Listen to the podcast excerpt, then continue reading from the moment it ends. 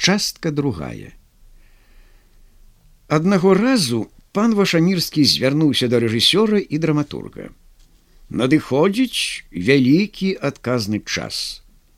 Хачу пабачыць і вынікі вашай працы.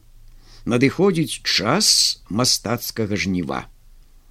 Мы стараемся сказаў на гэта ксёнц марцевич езу марыя нам сведкамі як мы стараемся і студыйцы гэта адчуваюць. Мой метад самы правільны як бог свят за кожны недахоп за самы малы пропуску ігры безуны на гэта рэжысёр больше студыйцаў выяўляе здольнасць. Многія захапляюцца ігрою без прынукі. Вочы ксяндза марцевіча загарэліся. Як гэта без прынукі з такой жывёлай як нашы студыйцы без бізуна не абыдзешся калі што зроблена калі ёсць пэўныя поспехі дык дзякуючы бізуну і пану богу. Рэжысёр усміхнуўся выцер хустачкай нос і пачаў расцяглым голасам. Шмат ёсць здольных сярод тутэйшых простых людзей. У гэтых дзяцей прыроды адчуваецца свежасць успрымання ўсяго прыгожага. Усіх галін мастацтва. У парыжы з іх быў бы толк. Выйшлі б з некаторых вялікія кампазітары акторы маляры нават паэты. Некаторыя з іх дэкламуюць у часы добрага гумору імі самімі прыдуманыя вершыкі. Я аб вершыках не ведаю устрывожыўся пан вашамірскі ці варта ім дазваляць самастойна думаць. Немаведама да чаго дадумацца могуць.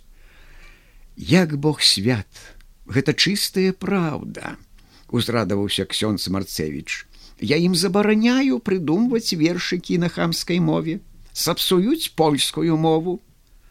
Ксёнц марцевич у часы рэпетыцыі галоўным чынам зварочваў увагу на чыстату акцэнтацыі польскай мовы на тое, каб хамская мова у некаторых герою яго п'есы выгаварвалася смехавіта, праз меру груба і на акуратнасць перадачы яго п'есы наогул.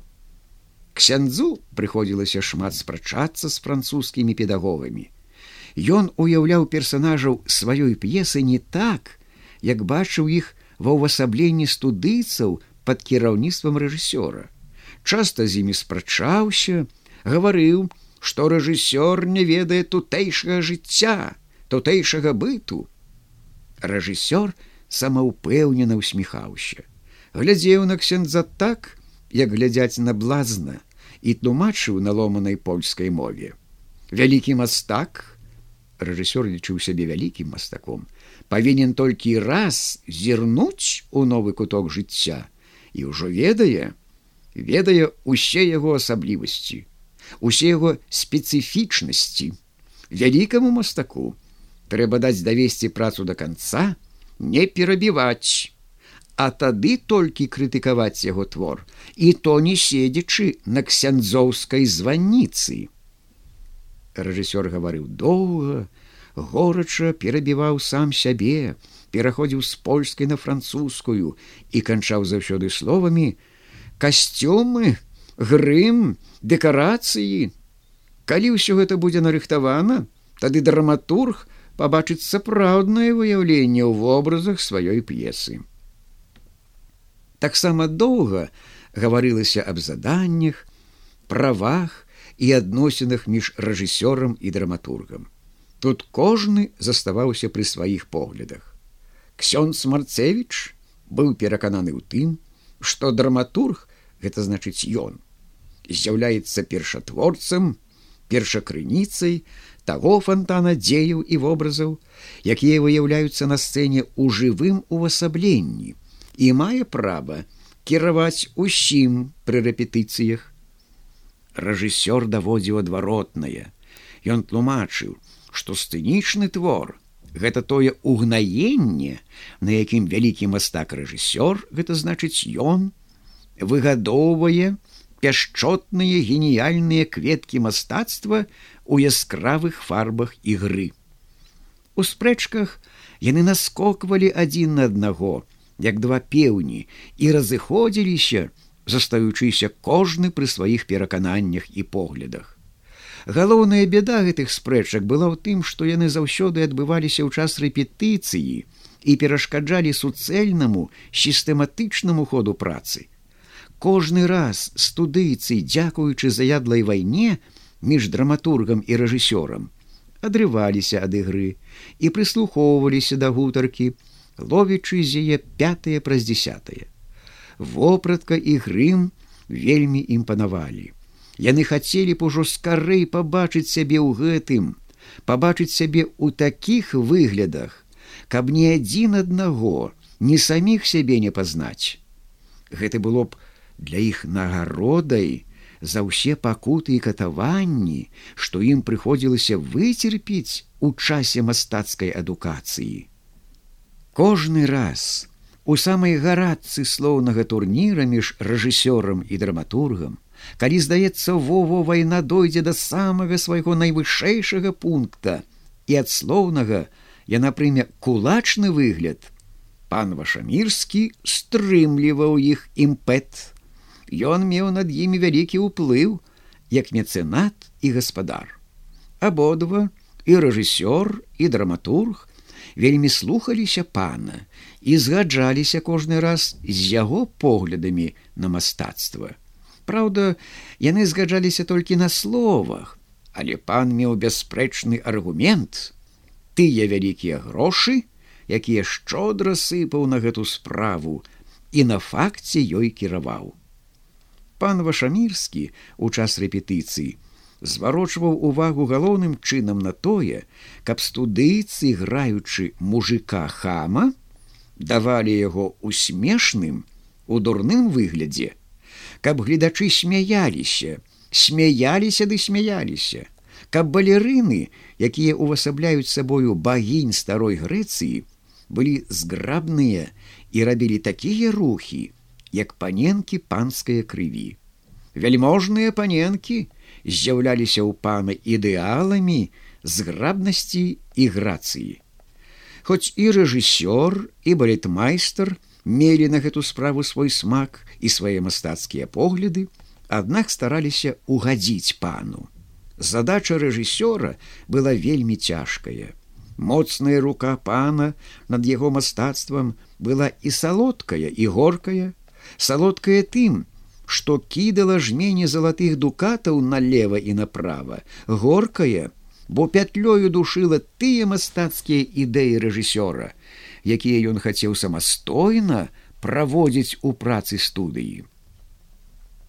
Рэжысёр добра разумеў, што прымушаць гэтых дзяцей сялян або па-польску хлопаў высмейваць саміх сябе, сваіх бацькоў, вельмі цяжка.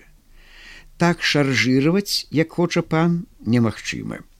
Рэжысёр адчуваў, што ў гэтым выпадку студыйцы інстынктам сваім самі адчуваюць меру. А знішчыць у мастакоў хлопаў самародкавае адчуванне меры, Ён лічыў праступкам перад мастацтвам, Аднак яшчэ большым праступкам ён лічыў страціць сваю добрую службу ў пана. І ён пайшоў на кампраміс сваім сумленнем. Безунамі выбівалі студыйцаў іхняе ўласнае пачуццё мастацкай меры, Урэшце іх вышкалілі так, як гэтага хацелася пану. Тое самае было і з багінепадобнымі балерынамі. Дзеля іхняй адшліфоўкі у сэнсе, кабечнай зграбнасці пан прыдумаў геніяльную штуку. Ён запрасіў да сябе суседняга маёнтка знаёмую паненку, якая навучала балерын быць музападобнымі. Выкладанне балета вялося паводле прыдуманай панам вашамірскім праграмы. Балерыны выстаўляліся ў рад перад яснавяльможнай паненкай. Паненка загадывала ім перарабляць усе тыя рухі, якія сама яна будзе рабіць. Цікавая містэрыя малпавання адбывалася ў балетным зале. Усе тыя крыўлянні, рухі, і павароты руками, нагамі, галавой, якія робіць паненка, перарабляюць і балерыны. Розныя вывёртванні бёдрамі, цэлыя калекцыі разнастайных усмешак, якія робіць паненка, капіруюць, як хто можа і балерыны. Пільна сачыў за гэтым сам пан вашамірскі. Ледзь малейшая неакуратнасць капіравання з боку балерыны, пан адсылаў яе ў той пакой, дзе адбывалася над ёю катаванне под духоўным наглядам ксяндза марцевіча. Ідэал пана быў такі, каб усё тое, што робіць паненка, перараблялі да малейшага штрыха балерыны. Трэба, каб кожная балерына выглядала ў гэтым выпадку як бы адбіткам паненкі ў люстэрку. У паненкі быў невычарпальны запас рухаў, жэстаў, выгінанняў, хістанняў усяго цела, выгадаваных у арыстакратычных рыцарскіх фліртах з пакалення ў пакаленне. Потым міміка твару, розныя тоны і пералівы яе ўсмешкі, ад звычайнай ганаровай, пагардлівай, гарэзліва гуллівай, да набожнай, нявіннай усмешкі мадонны. Таксама рознага роду выяўленні мімікай кахання, замілавання і любошчы. Мелі сотні пераходаў і варыянтаў. А вялікія разнастайнасці выразу твару, вачэй і губ, якія паненка выкладала балерынам, канца не мелі. У гэтым выпадку французскі рэжысёр меў таксама свой погляд. Ён думаў, што перадаваць мімікай і жэстамі усялякія пералівы чалавечых пачуццяў, захаваных у глыбіні душы, кожны здольны мастак, а балерыны халопкі былі здольныя, павінен умець па-свойму. Ды наогул кожны чалавек па-свойму перадае свае пачуцці. У гэтым і ўся каштоўнасць ігры. І балерынам трэба даць волю быць кожнай самой сабою выяўляць па-свойму кожную рыску, а не малпаваць іншых. Перад волей пана вашамірскага усялякія педагагічныя тэорыі рэжысёра разбіваліся, нібы прыбой аб прыбярэжныя каменні.